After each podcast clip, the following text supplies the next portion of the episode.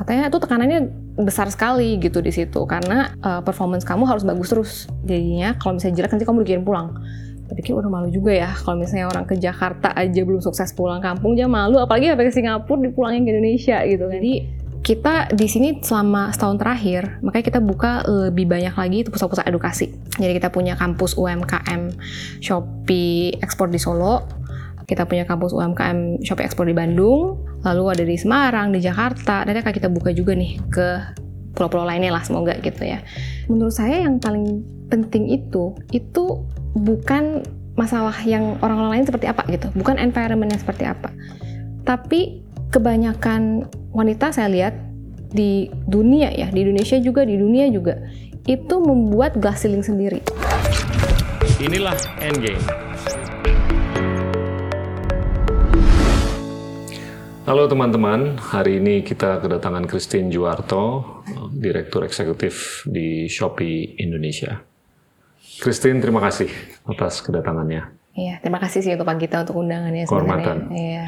Saya mau tanya banyak pertanyaan, tapi seperti biasa saya mau nanya mengenai backgroundnya Christine. Hmm. Anda lahir di Medan. Iya. Tahun 88. So, Mudah banget nih. Enggak juga, enggak juga. Cerita deh, hmm. gimana sampai saya memang, sampai bisa sampai di Shopee hmm. ya perjalanan hidup. Oke okay, oke. Okay.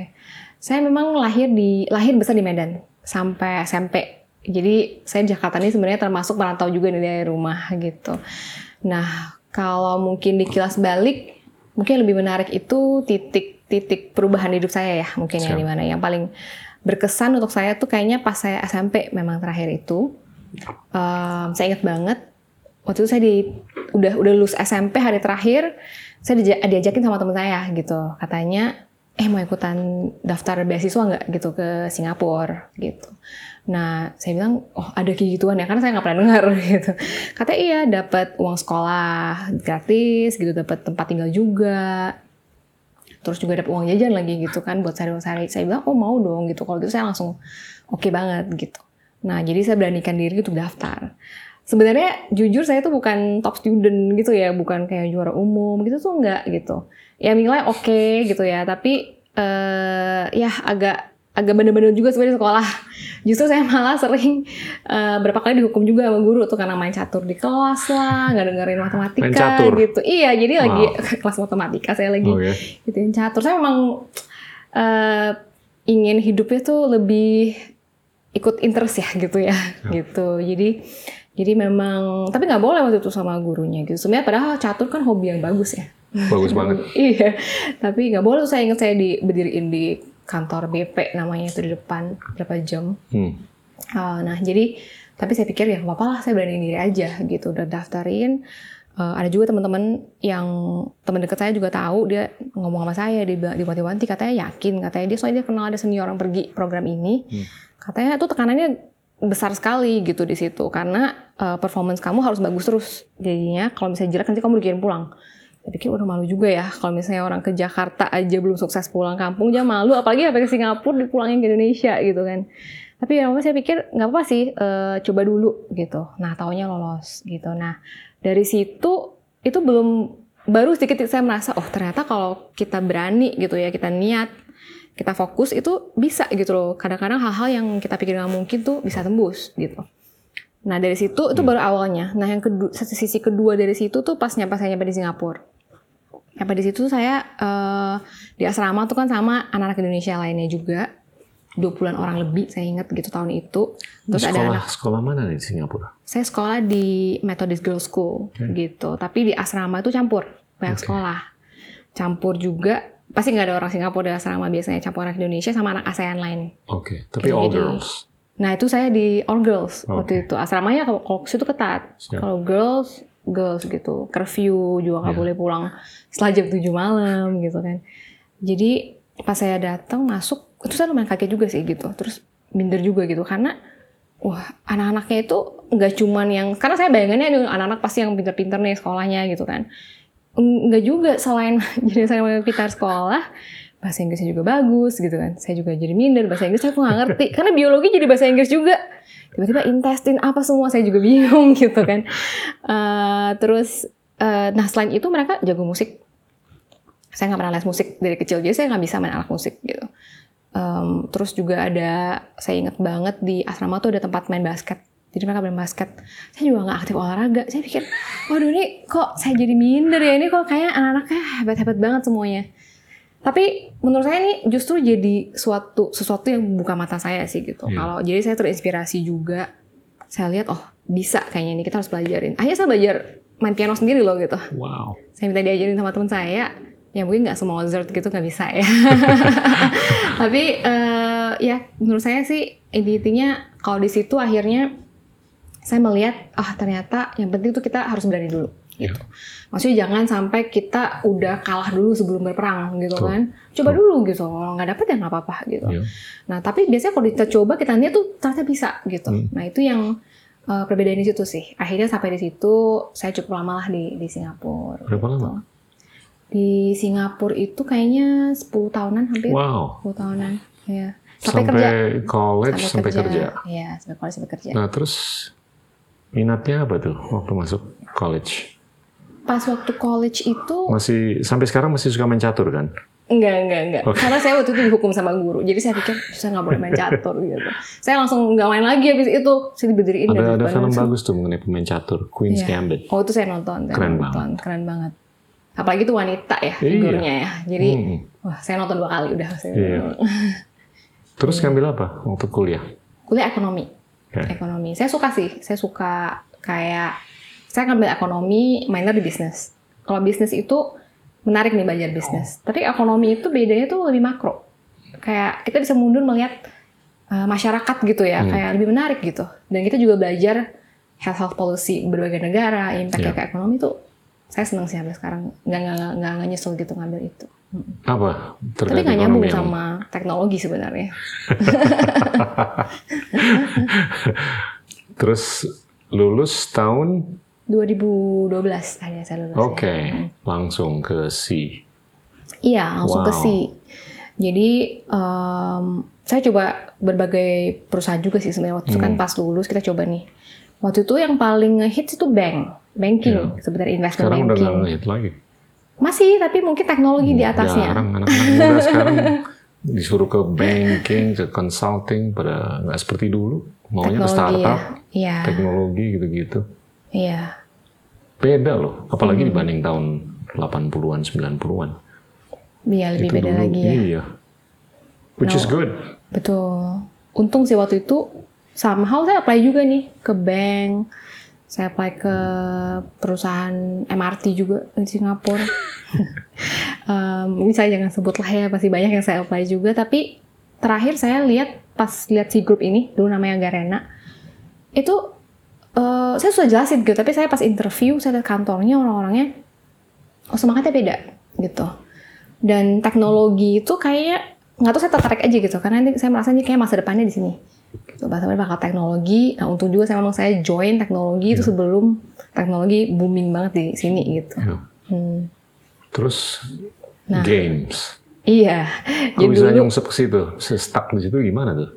Tapi Emang saya disuruh memang- ke sana apa you oh wanted to enggak be enggak there? enggak enggak. Anda I mau wanna ke be situ? there. Ya. Oh ya? Iya iya iya. Jadi dulu memang saya main game juga. Gitu.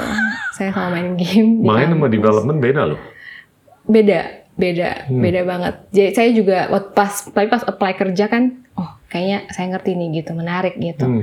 memang beda begitu saya kerja di situ wah main game udah nggak seseru dulu lagi karena tambah pas main game saya lagi mikirin gimana cara buat produknya gitu udah udah beda mindsetnya gitu Tapi Anda bisa coding.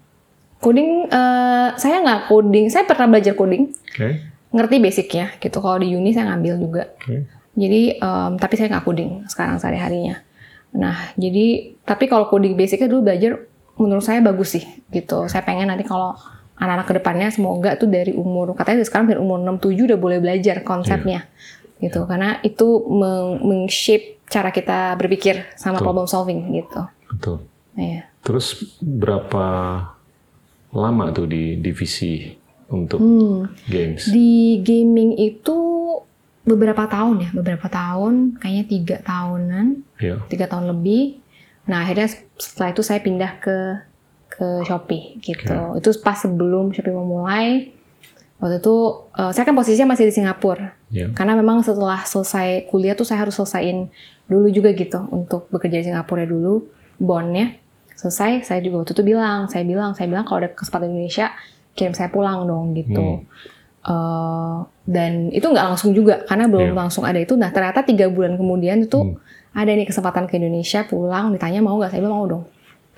Karena saya pikir kita udah lama di situ ya gitu kita belajar banyak sih sebenarnya saya lihat bisa kita bawa pulang gitu di sini kita bisa aplikasikan kita pelajarin Uh, semoga bisa kita spread juga gitu kan to Hmm. more people aja gitu di tim di mana gitu dan saya lihat Indonesia juga memang kayaknya lagi pas nih waktunya itu bisa go teknologinya digitalisasinya itu lagi pas waktunya gitu nah jadi itu memang pas banget sih timing timingnya 2006 2015 saya balik ya Oke. Mm-mm. So far so good. very good very good jadi Cerita um, gimana? Why? Kenapa iya. ini good? kalau di kalau jadi akhirnya tuh nah mungkin saya ceritain Shopee-nya ya kenapa very Iya. good ya gitu buat saya sendiri secara pengalaman sendiri kalau Shopee sendiri itu kan sebenarnya kita membangun Shopee dengan misi itu kita ingin melayani yang belum terlayani dengan baik oleh teknologi Ya. serve di underserved through technology gitu nah pas balik ini saya lihat kesempatannya banyak banget di sini Uh, awalnya kita memang kunjungin banyak banget UMKM-UMKM dulu. Kita lihat kayaknya udah ada tanda-tanda ingin melek digital tapi belum tahu caranya gitu. Nah dari situ kita masuk, kita melihat oh ini kesempatan yang bagus kita bisa dari Shopee dari saya sini bisa membantu mainkan peran, membantu mendorong digitalisasinya gitu ke situ. Jadi dari bagian itu sih yang akhirnya ternyata selama berapa tahun ini kita bisa sekarang udah punya lebih dari 5 juta penjual aktif juga yang bergabung ke Shopee. Nah, di sini kita bisa melihat kita membantu sebenarnya me- mendorong membangun sesuatu ekonomi digital yang baru. Ya. Gitu. Nah, ekonomi digital yang baru melalui e-commerce Shopee ini itu sebenarnya adalah membantu menghubungkan dari penjual-penjual di daerah-daerah tertentu itu membuka pasarnya ke seluruh Indonesia. Gitu. Jadi go digital gitu kan. Itu step pertama. Nah, di sini misalnya contoh ada penjual di eh, perajin batik saya di Solo gitu. Ya. sebelumnya dia kerjain produknya bagus sekali eh, tapi mungkin dia hanya bisa memasarkan di sekitar-sekitar dia saja gitu. Sampai berharap ada kemungkinan mendapat investasi atau modal untuk distribusi lagi keluar. Tapi dengan adanya Shopee hari ini di upload klik-klik udah langsung bisa menjual ke seluruh Indonesia. Nah itulah yang menurut saya membuat ekonomi ini bisa sangat ber, iya, berkembang Ya. limitnya itu langsung kebuka gitu. Nah jadi dan untuk pembeli juga sama. Hmm. dulu mungkin susah nyari produk seperti apa terus sekarang dia oh bagus banget nih batik dari Solo kayak gini gini nah dia bisa langsung juga membeli. Jadi ini memang ekonominya ukurannya semuanya berkembang gitu. Nah ini yang step yang pertama di Go Digital. Step kedua di yang kita fokusin tahun ini itu juga bagaimana next step lagi naik kelas lagi. Gimana kita bisa apa kita go global Ya. gitu. Nah di sini kita punya program ekspor Shopee, kita mau membantu penjual-penjual kita ini untuk bisa langsung dalam beberapa klik jual bukan hanya Indonesia, tapi sampai ke berbagai negara, pasar internasional, Sampai gitu. ke Brazil kali. Sampai ke Brazil, tentunya neighboring Afrika neighboring. Afrika, amin nanti ya semoga ya suatu hari. Sekarang belum Pasti ada. ada dong. Demand Iya. barang dan Betul-betul. jasa dari sini. Sekarang sampai ke Filipina juga, Iya. eh, sampai ke Meksiko juga Iya, Asia Tenggara, Meksiko. banyak. Mm-mm. Ini datanya bener nggak sih kalau kita dengar tuh ada 50-60 juta pengusaha UMKM? Hmm. Dan kalau saya dengar Anda, anggaplah 5 juta sudah di- digitalisasi. Kalau benar 50-60 juta, ini upside-nya kan luar biasa. Kan? Hmm. Tinggal gimana kita bisa mengedukasi Betul betul. yang sisanya itu kan, literasinya, terus profisiensi, efisiensi, efektivitas untuk go digital. Hmm. Jadinya benar tuh, jadinya menuju ke sana nanti. Iya, kalau kita lihat sih memang 5 juta ini kelihatannya banyak, tapi potensinya masih banyak lagi. Iya. Kemarin saya juga, biasanya saya keliling tuh ke Iya. berbagai kota juga, ke pasar-pasar yang memang yang sudah jual grosir, ada juga yang produksi juga. itu masih banyak yang belum digital. Ya. Jadi kesempatan untuk mengedukasi ini masih banyak. Makanya kita lihat tahun ini, kalau tahun-tahun sebelumnya masih banyak yang masuk-masuk.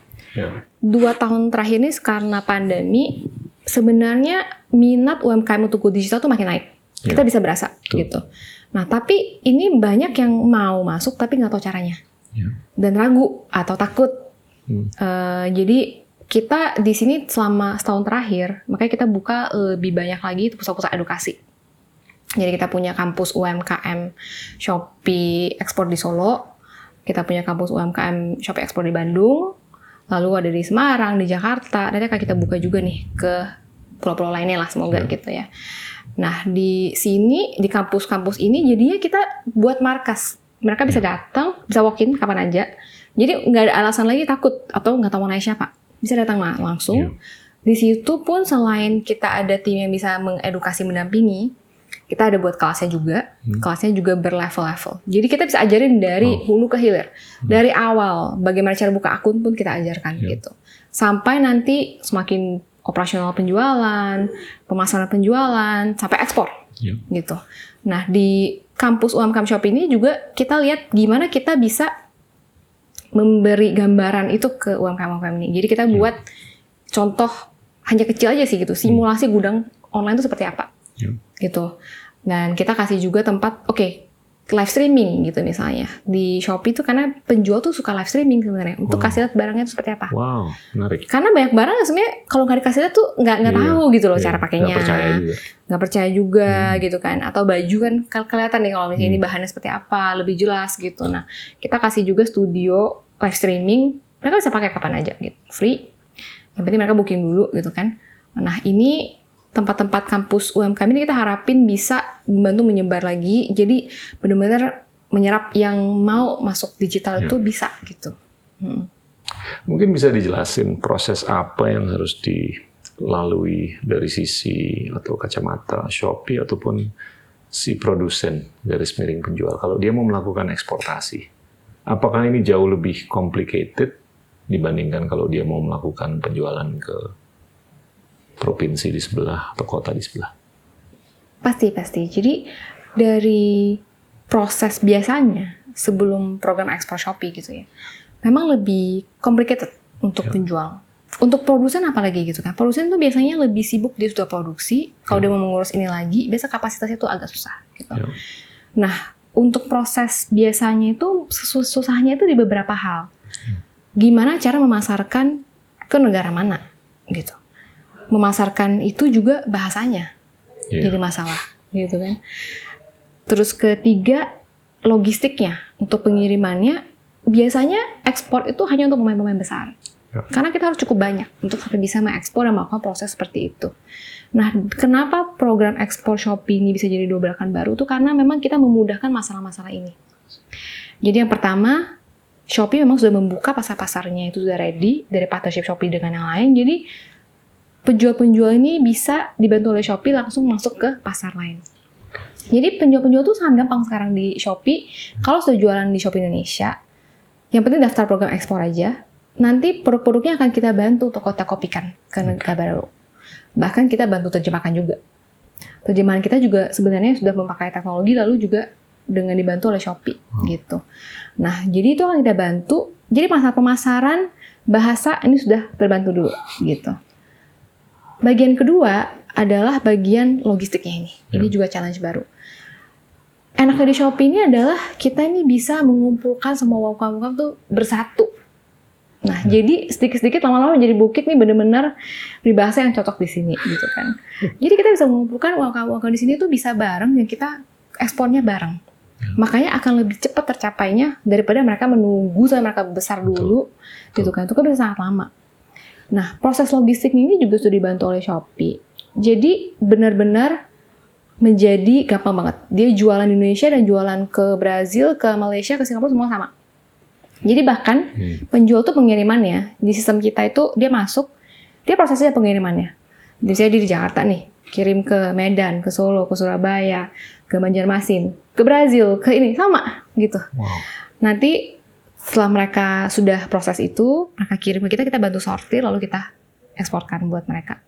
Jadi memang ini membuat friction untuk ekspor tuh jadi sangat rendah. Makanya banyak sekali UMKM-UMKM yang sudah bisa join ke program ekspor kita ini. Ke depannya kita harapin gimana kita bisa dapetin lebih banyak UMKM lagi yang bisa gabung di sini dan juga lebih banyak lagi pasar yang kita buka ya gitu ya untuk bisa dicapai oleh UMKM Indonesia gitu di sini. Ini kalau kita lihat tenaga kerja di UMKM atau mikro UMKM ini ada 125 juta.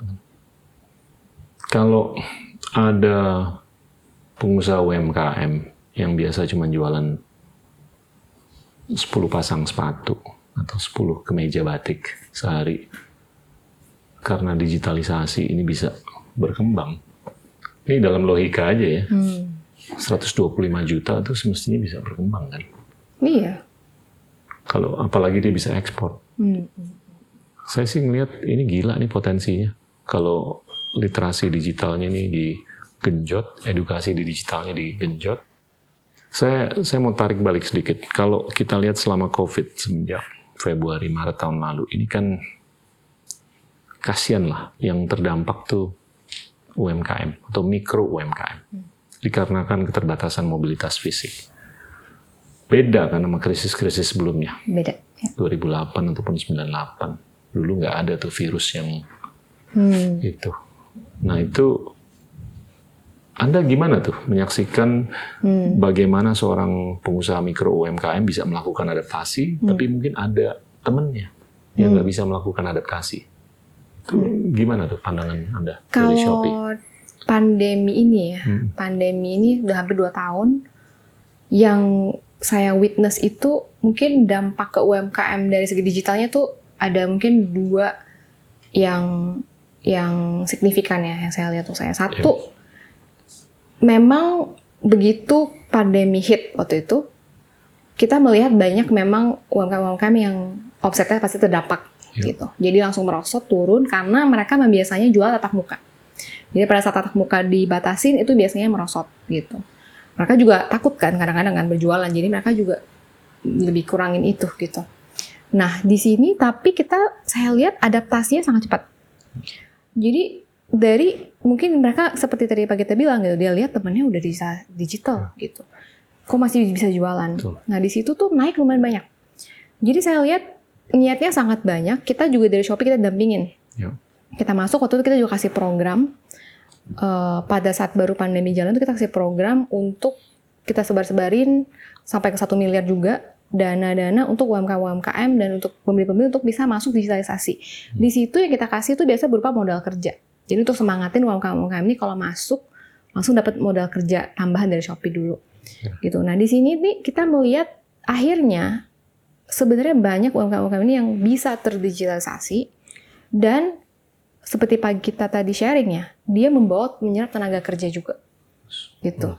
Jadi ada contoh ada satu penjual pakaian yang saya kenal, kemarin hmm. saya visit, itu dia sekarang tiba-tiba karena pandemi ini dia udah berusaha digital ya, dia cerita dia bilang saya terpaksa mbak dia bilang gitu kan terpaksa tapi saya jadi jadi bagus tapi jadinya yeah. malah sekarang karyawan tenaga kerja untuk yang dia serap sudah hampir mau 100 wow. hanya dalam pandemi pand tahun-tahun pandemi ini yeah. gitu dan ini sangat membantu juga untuk tenaga kerja yang ternyata kan mungkin kehilangan pekerjaan kan, sebelumnya gitu nah jadi dampak digitalisasi dan Shopee ini yang saya lihat ke UMKM selama pandemi hmm. ini sebenarnya sangat membantu ya gitu ya. Hmm. Dan saya juga sangat senang kita bekerja sehari itu ternyata bisa membantu banyak orang. Yeah.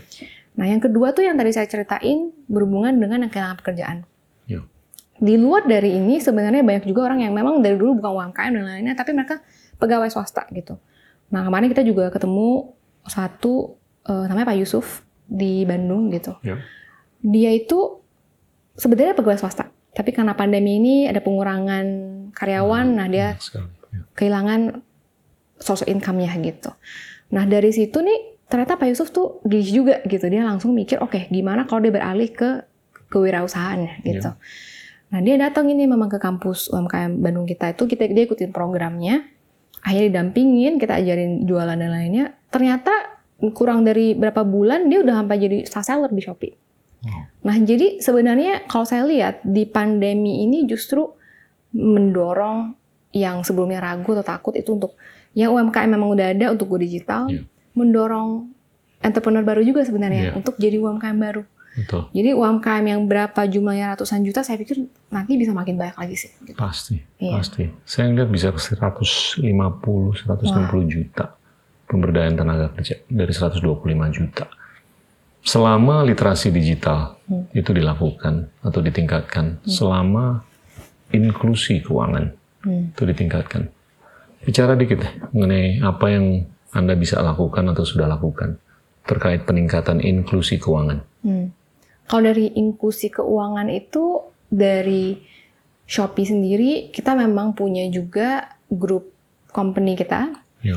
Eh, sister company kita tuh biasa kan ada juga Shopee Pay, ada juga eh, produk-produk pinjaman lainnya juga. Ya. Nah di sini saya lihat memang sangat membantu untuk inklusi keuangan digital. ya. Jadi mungkin saya bagi, saya ceritain dulu dari awal deh dari Shopee-nya sendiri. Ya. Shopee-nya sendiri ini sebenarnya kita juga sekarang digitalisasi itu turun sampai ke masyarakat yang sebenarnya mungkin bahkan belum ada di inklusi keuangan perbankan gitu. Jadi ceritanya gini, kalau dulu awal-awal Shopee jualan, kita biasanya banyak yang belanja melalui bank transfer, kartu kredit. Bank transfer paling banyak. Nah, sekarang ini kalau kita lihat tren di Shopee itu kenapa Shopee populer? Karena kita juga menjangkau sampai ke yang nggak punya bank. Jadi Dan banyak. Banyak Yang gitu dan yang populer tuh memang mereka sekarang bisa bayar juga di partner kita seperti Indomaret, Alfamaret Ya. dan juga bisa cash on delivery COD. Nah COD ini juga sangat merubah gambarnya sekali Hmm. karena yang sebelumnya belum ada di perbankan itu dia juga bisa langsung digital, bisa loncat aja ke e-commerce. Jadi tidak tidak harus melewati step itu satu-satu. Jadi itu yang mungkin perubahan dari inklusi digitalisasi yang kita lakukan dari segi e-commerce ya. Di luar dari itu tentunya di grup kita Shopee Pay itu juga kemarin dengan program QRS dengan Bank Indonesia. Ya. Ini kan kita juga banyak mendorong supaya pada saat pandemi itu cashless. Ya. Nah, memang lebih aman dibanding kita tukar-tukaran cash gitu. Nah, program QRS ini juga memang kita ikutin, kita lihat, wah ini ternyata bisa membantu digitalisasi dari inklusi keuangan juga di situ banyak yang bisa memakai itu sampai di mana-mana.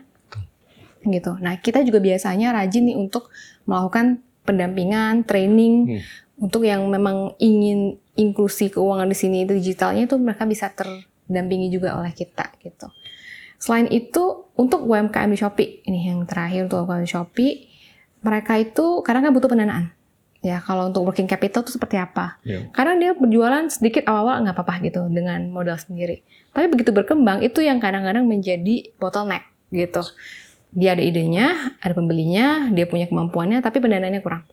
Nah, di sini memang kita juga bekerja sama dengan partner-partner bank juga, tapi juga dari perusahaan eh, sister kita juga, kita punya produk-produk pinjaman untuk UMKM ini juga gitu. Jadi mereka bisa pinjam, eh, ada berbagai macam juga. Mereka bisa melakukan pinjaman cash atau lalu dipakai untuk modal atau mereka juga bisa menarik eh, escrow mereka lebih cepat gitu. Jadi dari penjualan di Shopee mereka bisa menarik lebih cepat sebelum produk dia sudah sampai ke pembeli sudah bisa tarik.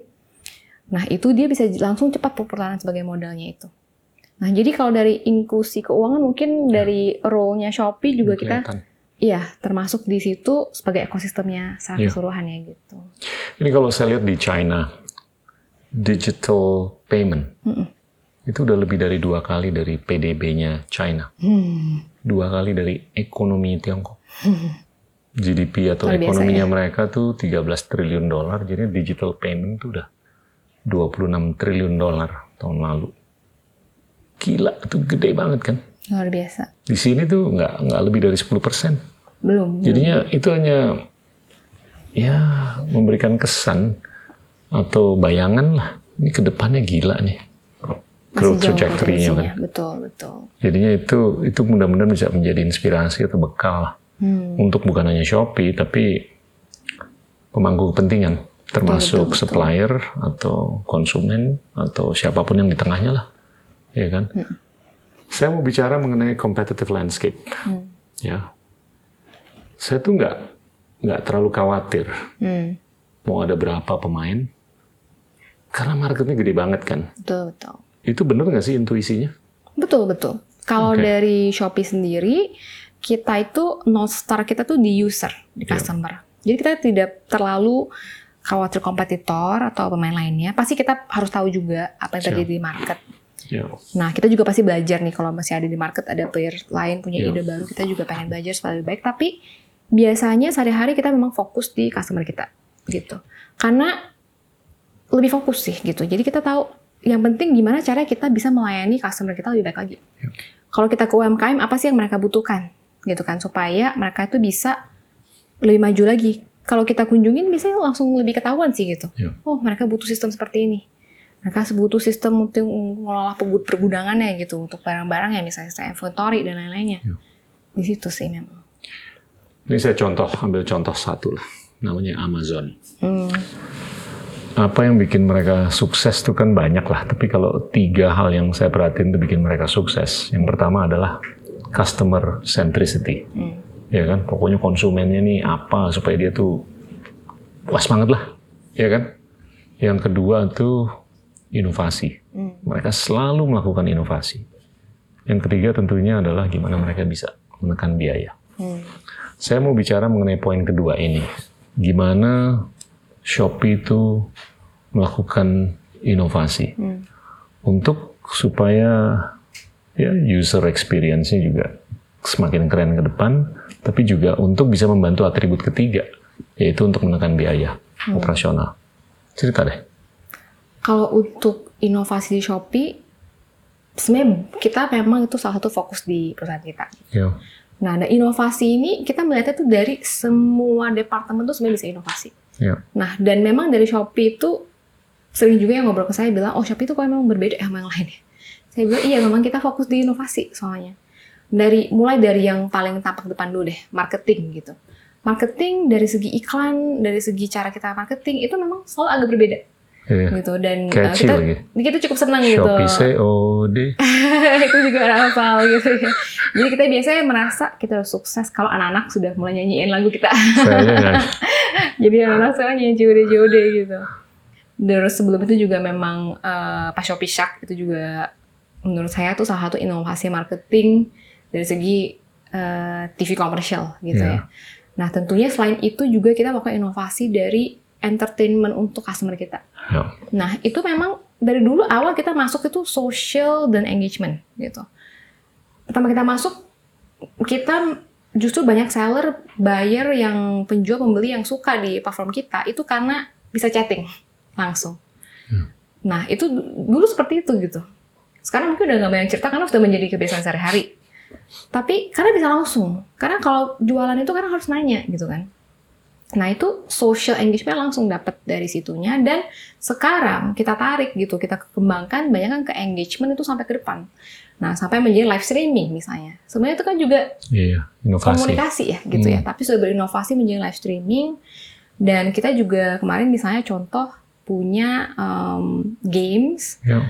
Seperti Shopee Tanam itu kan inovasi. Jadi Ya. dari main game Shopee Tanam di tiap hari boleh masuk ke Shopee aplikasinya siram siram tanaman nanti tanam nih beras gitu. Hmm. Setelah jadi kita kirim beras aslinya ke rumahnya. Ya. Itu kan experience sangat berbeda. Ya. Ini dari segi inovasi marketing. Tapi tentunya kalau dari sisi lain misalnya dari segi infrastruktur dan lainnya kita juga berusaha selalu untuk berinovasi. Nah ini lebih tricky sebenarnya. Karena dan lebih kompleks. Membangunnya juga lebih lama. Seperti COD ini kan sebenarnya juga dari tempat ini juga inovasi yang makin baru makin baru. Betul. Bagaimana kita bisa membangun experience-nya semakin bagus Hmm. gitu. Nah ini COD itu salah satu inovasi dari segi pembayaran.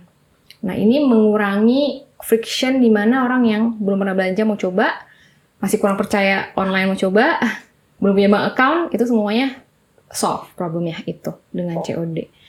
Kalau dari segi logistik misalnya dulu, kita juga sebenarnya dulu pelopor inovasi cashless. Hmm. Jadi untuk penjual itu, mungkin kalau yang nggak jualan mungkin eh, kurang familiar ya. Tapi kalau penjual tuh dulu berat loh, karena mereka harus keluar dulu ongkirnya, Tuh. baru nanti pembeli kasih Iya. balik gitu kan. Nah itu sebenarnya nombok lumayan banyak.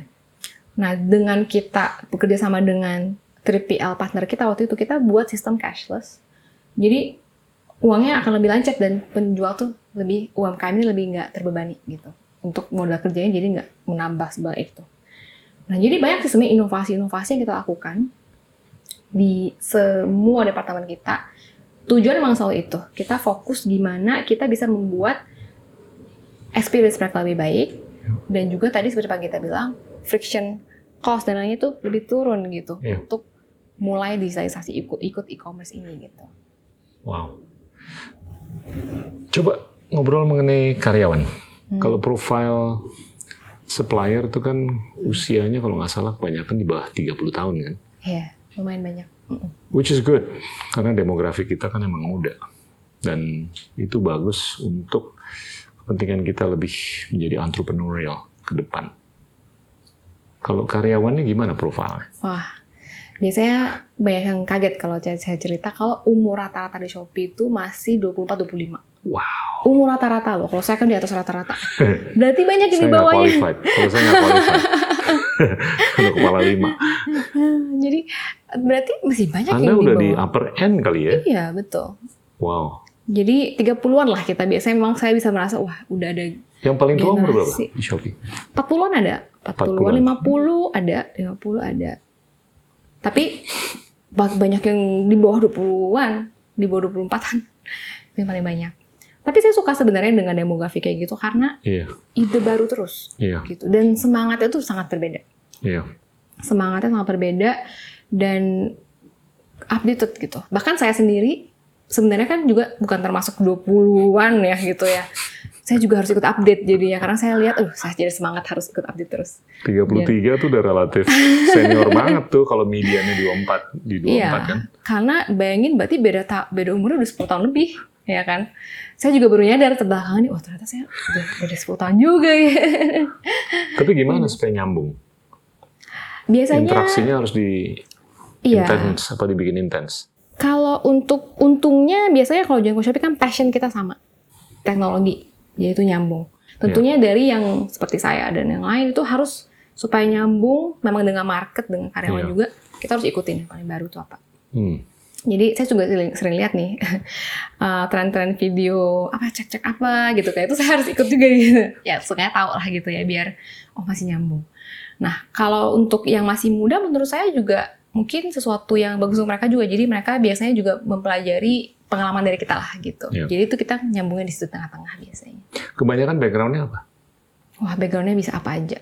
Jadi bisa Mayoritas eh, engineer, Waduh enggak. ekonomi. Sarjana pertanian, perikanan, Wow, apa aja. wow. Dan kita ngeliat itu. Sangat demokratis. kalau apply kita nggak lihat itu justru kita suka dengan diversity seperti itu Oke, karena sangat berbeda pandangan dan lainnya bisa membawa Iya. perspektif baru gitu bagus. ya Saya akhir-akhir ini sering ngobrol mengenai divergensi pemikiran. Hmm. Itu nyambung ke kreativitas, Hmm. ya kan? Dan tentunya divergensi pemikiran tuh ya muaranya dari diver- diversitas. Nah, kalau dari sisi gender, itu gimana tuh komposisinya? Hmm.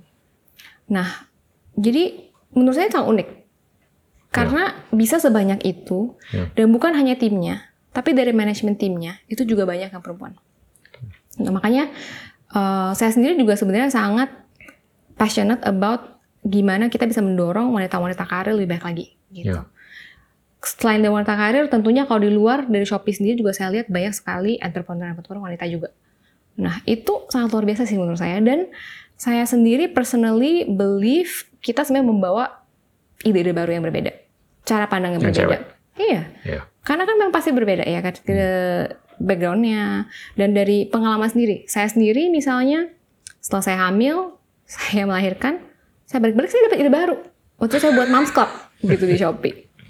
Itu sangat berbeda. Kalau saya ngobrol sama yang eh, bapak-bapak gitu ya, beda sama ibu-ibu. Ibu-ibu lebih passionate soal ini ya. Ada pandangan baru yang ide-ide baru yang bisa dapetin Iya. dari demografik yang diverse seperti ini. Yang menariknya di Shopee, itu kita juga punya tim logistik yang ada di posisi di gudang. Ada kita juga wanita di situ. Makin banyak sekarang.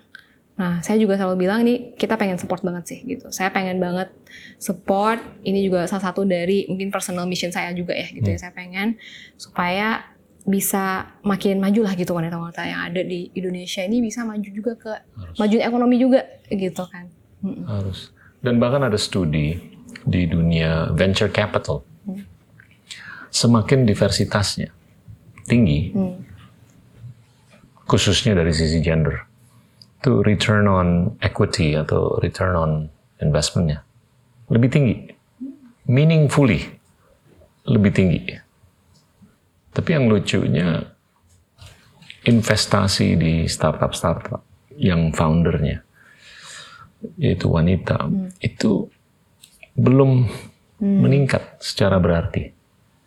Dan dan itu kalau saya sih sepakat dengan bukan teori tapi bahkan tesis bahwa diversitas itu berkorelasi dengan satu produktivitas, dua ya kepuasan dan kinerja yang lebih tinggi kan. Nah itu gimana tuh ke depan untuk itu bisa dilembagakan? Supaya jangan stop atau gimana? Iya, kalau dari saya personally ya yang saya benar-benar percaya itu Iya, kan dulu saya juga sempat di industri gaming misalnya dan game kita itu game juga ada yang game perempuan ya. Iya, Eh, tapi game kita memang spesifik lebih eh, condong ke laki-laki. Environment pekerjaan juga memang lebih laki-laki juga dan lebih banyak gitu pada Ya. saat itu. Tapi setelah saya bekerja di situ saya nyadar sebenarnya menurut saya yang paling penting itu itu bukan masalah yang orang-orang lain seperti apa gitu. Bukan environmentnya seperti apa. Tapi kebanyakan wanita saya lihat Hmm. di dunia ya di Indonesia juga di dunia juga itu membuat glass ceiling sendiri. Iya, untuk mereka sendiri. Mereka mereka buat itu sendiri. Nah glass ceiling yang mereka buat itu sebenarnya karena mereka yang mendiskriminasi diri sendiri gitu. Hmm. dan mereka jadi kurang percaya diri. Iya, Nah, ini juga pas saya di di gaming itu saya akhirnya nyadar, oh sebenarnya orang-orang lain sama saya treatmentnya ke saya. Itu oke-oke aja. iya, Cuma kita berani nggak gitu kan untuk jangan mengkotakkan diri sendiri gitu. Iya. Kita maju sendiri dan kita jangan ada ngesilingin diri sendiri. iya, Tapi saya perhatiin juga, nah kalau anak-anak yang masih muda itu sering banget di karena di town hall di mana tuh saya dikasih pertanyaan gitu dan mereka nanya "E, gimana nih sebagai wanita karir misalnya gimana caranya supaya bisa naik apakah saya bisa naik apa enggak di jenjang karirnya lalu juga nanya sebagai wanita karir gimana ya nyembangin misalnya dengan keluarga apakah masih bisa dan lainnya tapi saya lihat sebenarnya dari pertanyaan itu ditanyakan seperti itu itu aja itu berarti sudah ada glass ceiling yang dia buat sendiri gitu karena itu harus dipatahkan tuh. Iya, karena laki-laki nggak akan tanya sebagai laki-laki bisa nggak saya naik. Kalau iya sebagai laki-laki itu bagiannya hilang gitu. Nah di situ yang Tapi laki-laki yang denger show ini pada garuk-garuk kepala nih, waduh gimana? harus lebih semangat jadi kan, Iya. harus lebih bersaing. Gitu. Tapi harus ini memberikan inspirasi untuk cewek-cewek di luar, Hmm. Iya kan? Gimana matahin ini? Hmm, kalau saya bilang sih paling pertama coba buka mata dulu deh sendiri. Iya, Kalau dibuka mata dan lihat sebenarnya nggak ada itu diskriminasi itu sebenarnya itu hanya di pandangan kita sendiri itu yang Iya. paling pertama dipatahin dulu di situ di mindset kita sendiri dulu. iya, gitu. Misalnya contoh, mindset kita sendiri tuh bisa kita eh, pertanyakan juga. Misalnya yang menanyakan saya mengenai keluarga itu, sebenarnya boleh di think through lagi. Kalau saya tanya biasanya kan masih muda-muda, saya tanya, Iya. oh udah punya pacar belum belum punya, tapi sudah pusing sampai bagaimana nanti mengurus anak. Jadi sudah sudah kayaknya sudah sebelum perang udah kalah duluan gitu loh, sudah takut gitu. iya, Nah, sebenarnya menurut saya paling penting tuh mindsetnya itu pertama jangan membedakan diri sendiri dulu. Itu Iya. paling pertama gitu. Kedua harus lebih berani aja sih gitu untuk percaya kalau kita niat kita fokus tuh kita bisa dan sebenarnya wanita-wanita semua orang lah punya kelebihan masing-masing, nggak masalah gender gitu. Dan yang yang kita jadi yang ketiga sebenarnya difokusin tuh adalah apa yang kita bisa bring to the table, Tuh. gitu kan. Nah ini sebenarnya menurut saya harus dipraktis ya gitu. Iya.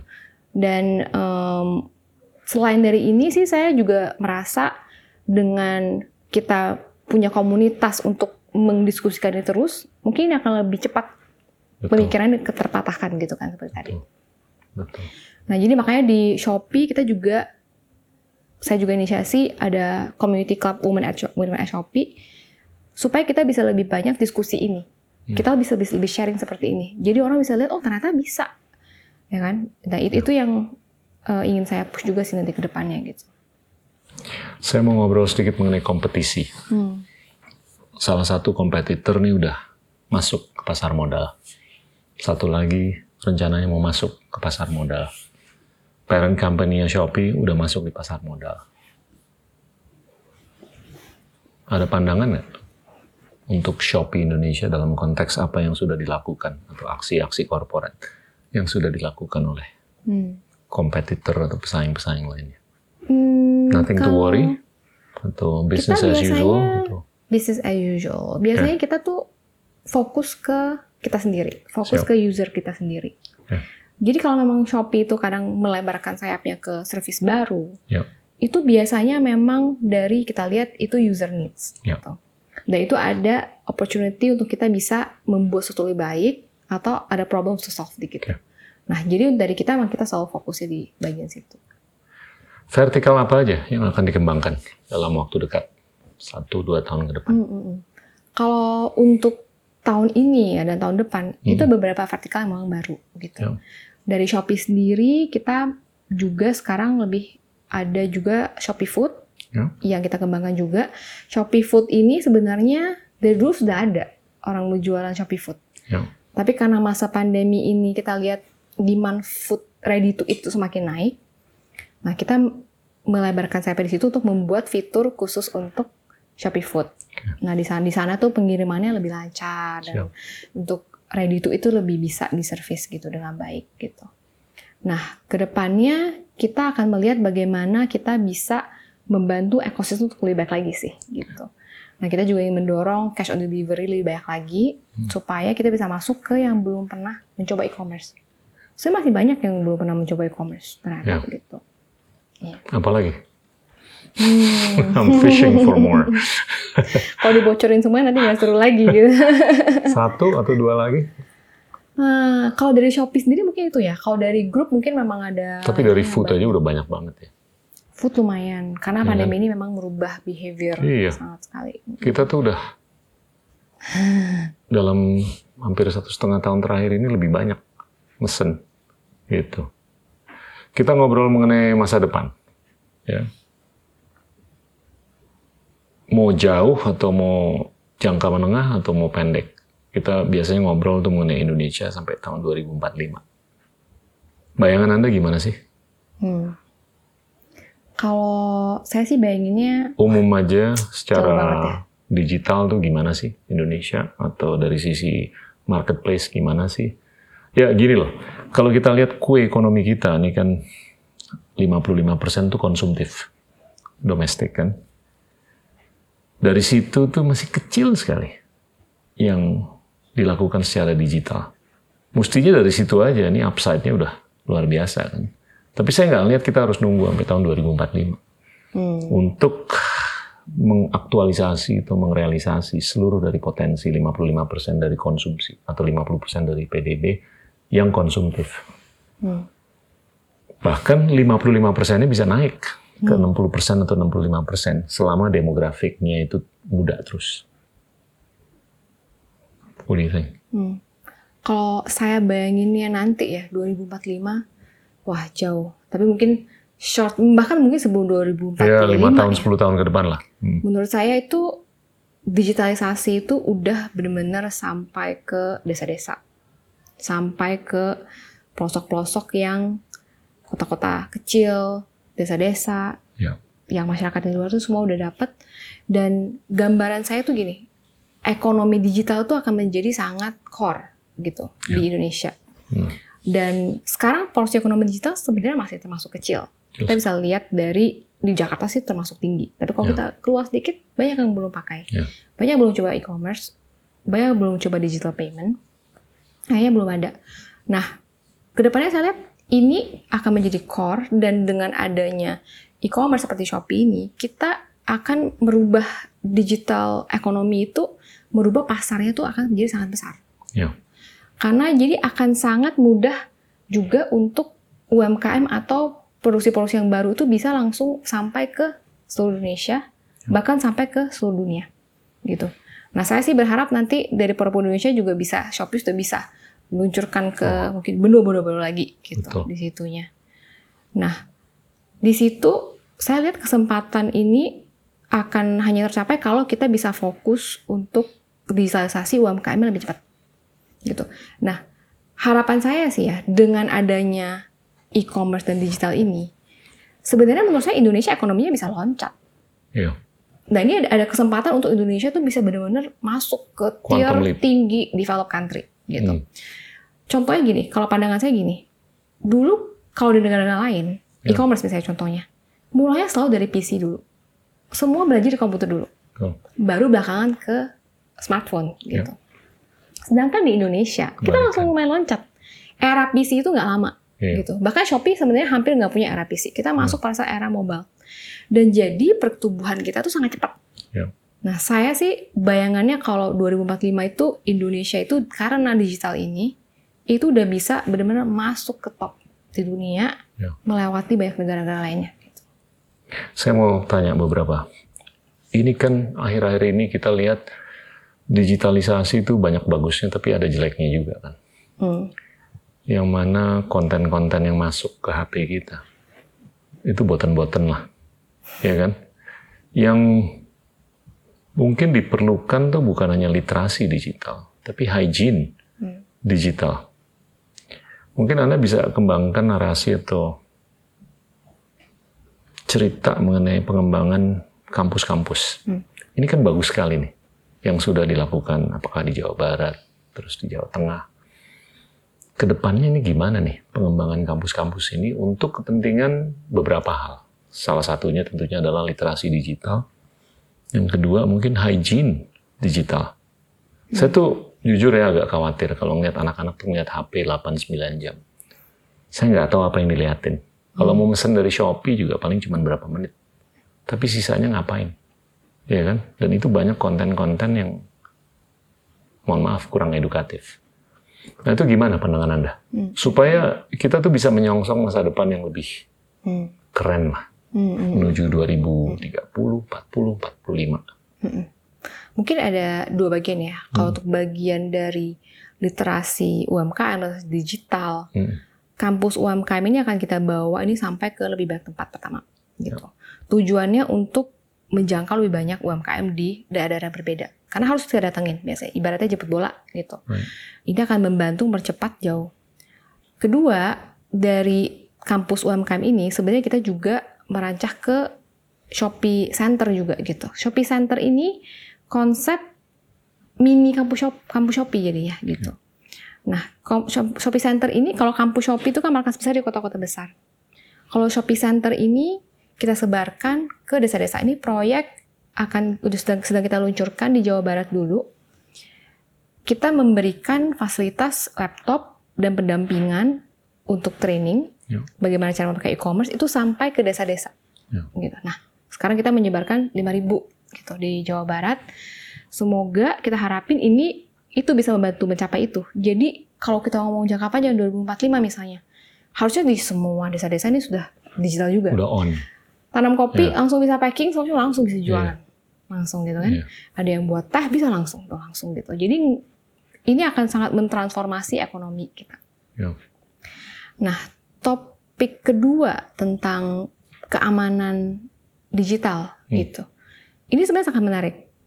Kalau untuk Shopee atau e-commerce gitu, khususnya keamanan digital itu ada di bagian lebih keamanan transaksi. Nah, di sini sebenarnya apa yang bisa kita lakukan? Ada beberapa gitu yang saya perhatikan. Hmm. Pertama dari segi platform. Kalau dari Shopee, utamanya adalah bagaimana kita bisa memastikan keamanannya di platform kita sendiri. Dari segi Shopee juga kita sudah ISO certification juga, dan kita sangat memperhatikan itu. Safety transaction, apalagi uang ya, uang orang yang kita pegang itu pasti kita perhatikan sekali. Tapi yang belum terselesaikan menurut saya yang sangat berbahaya ini juga sekarang banyak sekali modus-modus penipuan Ya. yang sebenarnya saya lihat terjadi karena masyarakatnya belum ngerti gitu, belum mengerti digital. Nah, kalau untuk penipuan yang paling susah itu yang saya lihat sekarang itu banyak orang yang memang dia memberikan PIN ataupun OTP sendiri ke penipunya gitu. Nah, ini kan mungkin kalau di kota-kota besar kita tahu ya gitu ya. Naif. Ya, tapi kadang-kadang biarpun kita tahu sibuk gitu kan, kurang Ya. memperhatikan, lagi kerja di telepon dia kasih gitu. Nah, ini sebenarnya masalah yang menurut saya akan harus kita pecahkan juga supaya ini bisa maju. Nah ini juga yang uh, berhubungan dengan misalnya yang recent issue tentang pinjol-pinjol yang ilegal. Yeah. Kalau misalnya masyarakat juga lebih teredukasi tentang mana pinjaman yang legal dan ilegal, mereka bisa melihat tersertifikasi OJK atau tidak dan lainnya, hmm. itu juga sebenarnya akan mengurangi sangat lumayan banyak. Gitu. Jadi kalau dari pandangan saya sebenarnya benar untuk maju ke depannya itu supaya kita bisa benar maju. Masalah keamanan ini dari platform yang memang sudah punya kemampuannya seperti Shopee itu kita harus usahain terus untuk memajukan terus security-nya. Ya. Tapi dari masyarakatnya juga kita mesti pikir gimana supaya kita bisa edukasi mereka. Supaya tidak gampang tertipu gitu loh dengan yang mana yang seharusnya memang responsibility keamanan mereka jaga sendiri gitu. Ya. Tapi kalau ya ini kan ujung-ujungnya data kan. Hmm. Operator atau Anda tuh kan untuk kalian tuh merupakan repository untuk data-data yang masif puluhan juta nih atau mungkin bisa ratusan juta. Ini harus dijaga. Kalau itu meleset aja, itu resikonya itu ya bisa ke mana-mana dan sangat sensitif. Ya, dan saya kalau ngobrol dengan banyak sekali lah perusahaan-perusahaan teknologi itu increasingly itu menjadi topik yang benar-benar jauh lebih robust untuk dikawal ke depan. Ya kan? Apalagi dari 5 juta tumbuh 10 juta, 20 juta, 30 juta dan lain-lain itu banyaklah data-data yang terkait dengan manusia yang sensitif. Uh, you are a woman hmm. in a position of leadership, ya kan? Tentunya sudah menjadi inspirasi untuk banyak sekali lah teman-teman wanita perempuan di Shopee dan di luar. Indonesia nih baru memiliki presiden perempuan tuh sekali. Hypothetically atau apa pun lah sampai tahun 2045 berapa sih presiden wanita yang kita bisa lihat lagi ke depan? Menurut saya sebenarnya ini overall woman power ya, woman empowerment ya gitu. Nah, memang kalau presiden menurut saya kenapa enggak? Gitu yeah. kan? Tapi itu memang paling penting overallnya juga nih. Overall dari yeah. segi menurut saya ada tiga bagian yang, yang cukup penting ini untuk women empowerment di sini. Yang kita bisa big impact. Satu tentunya dari government. Yeah. karena akan ada representatif dan kemungkinan juga ada perspektif-perspektif baru yang bisa dibawa yeah. oleh women. Yang kedua yang mungkin saya lebih familiar itu adalah dari working professional. Yeah. working professional sebenarnya di Indonesia tergolong sedikit loh women in leadership loh dibanding negara-negara lain ya Ya. Di seluruh dunia relatif dikit kalau menurut saya. Di, di Indonesia dunia, mungkin lebih dikit. kelihatan. Iya, hmm. lebih kelihatan lagi. Nah, di sini sih saya berharap sih memang kita bisa jauh berkembang. Saya kalau dari saya sendiri yang bisa saya lakuin tuh dari Shopee sendiri dulu gitu. Kita semua harus ngelakuin yang dari kita bisa dulu kan. Dari situ yeah. akan grow impact. Dari Shopee sendiri kita punya banyak sekali woman leader. Dari manager, senior manager, direktur lainnya juga. Yeah. Dan saya lihat sebenarnya Shopee lumayan balance gitu dibanding dengan perusahaan-perusahaan lainnya. Gitu. Nah, tapi nah di sini menurut saya harus start dari top gitu. Saya sih berharap dari ada umum leader yang ada itu juga bisa lebih vokal di Indonesia, lebih sharing. Karena sebenarnya dibutuhkan yang lain mungkin inspirasi ya. Itu yeah. melihat oh mendapat inspirasi gitu. Yeah. Nah, yang ketiga untuk woman bisa membawa impact menurut saya tuh di entrepreneurship. Yeah. Dan ini bisa lebih besar lagi yeah. gitu. Dan menurut saya yang tiga-tiga ini banyak yang saya lihat sebenarnya penjual-penjual Shopee misalnya saya kunjungin itu karena banyak kan wanita loh gitu, cewek gitu. Dan kalaupun suami istri, kalau saya tanya siapa yang mulai duluan, cewek. istrinya yang mulai duluan. Akhirnya sudah sukses, suaminya udah gak kerja lagi bantuin dia, gitu. Jadi uh, dan menarik gitu. Saya lihat juga, wah ini sebenarnya kesempatan yang sangat luar biasa membawa ide baru gitu. Yeah. Dan memang sharp juga ng ngelola bisnisnya Terus saya kalau lagi ngobrol sama dia, anaknya masih ada nih, dijaga yeah. juga sampai bisa dijaga. Nah ini uh, entrepreneurship gitu. Saya juga yeah. seneng sih sebenarnya lihat Shopee ini bisa membawa impact ini juga. Tapi kalau misalnya sampai ke presiden, menurut saya mungkin semua ini harus naik juga. Iya. gitu Betul, kan. Jadi betul. eh, harus dari entrepreneurship lebih banyak, Iya. dari working professional lebih banyak. Nah, government juga lebih banyak, jadi juga lebih enak. Kalau hanya salah satu saja, menurut saya nanti juga iya Timpang. timpang dan susah gitu. Gini loh, kalau saya lihat di social enterprise, cewek itu udah banyak banget dalam posisi Hmm. kepemimpinan. Private enterprise udah mulai meningkat, Hmm. tinggal dibikin lebih eksponensial. Yang terakhir public enterprise. Tapi kalau social enterprise, private enterprise itu udah terisikan dengan skala yang berarti, ya niscaya public Pasti, enterprise pasti. akan lebih terisikan dengan female leaders atau Betul, leaderships, Iya kan? Betul betul. Dan ini take time sebenarnya kan, takes time. Jadi harus kita juga lebih proaktif. Iya, Saya juga harapin semua leader-leader di Indonesia yang women tuh lebih proaktif. iya. Jadi generasi berikutnya akan lebih beda. Menurut Iya. saya setiap generasi akan lebih beda lagi, lebih beda lagi gitu. Betul. Gitu. Dan, dan kita sebagai demokrasi terbesar nomor tiga di dunia, populasi yang terbesar nomor empat. Ya kalau kita mau berdemokrasi ke depan, kita harus bisa membuahkan diversitas. Supaya kita bisa merawat, memupuk, dan mengawal proses demokrasi ini. Atau demokratisasi ke depan dengan baik. Kita udah ngobrol cukup banyak nih. Kalau mungkin yang terakhir, ini memungkinkan nggak sih untuk pengusaha UMKM itu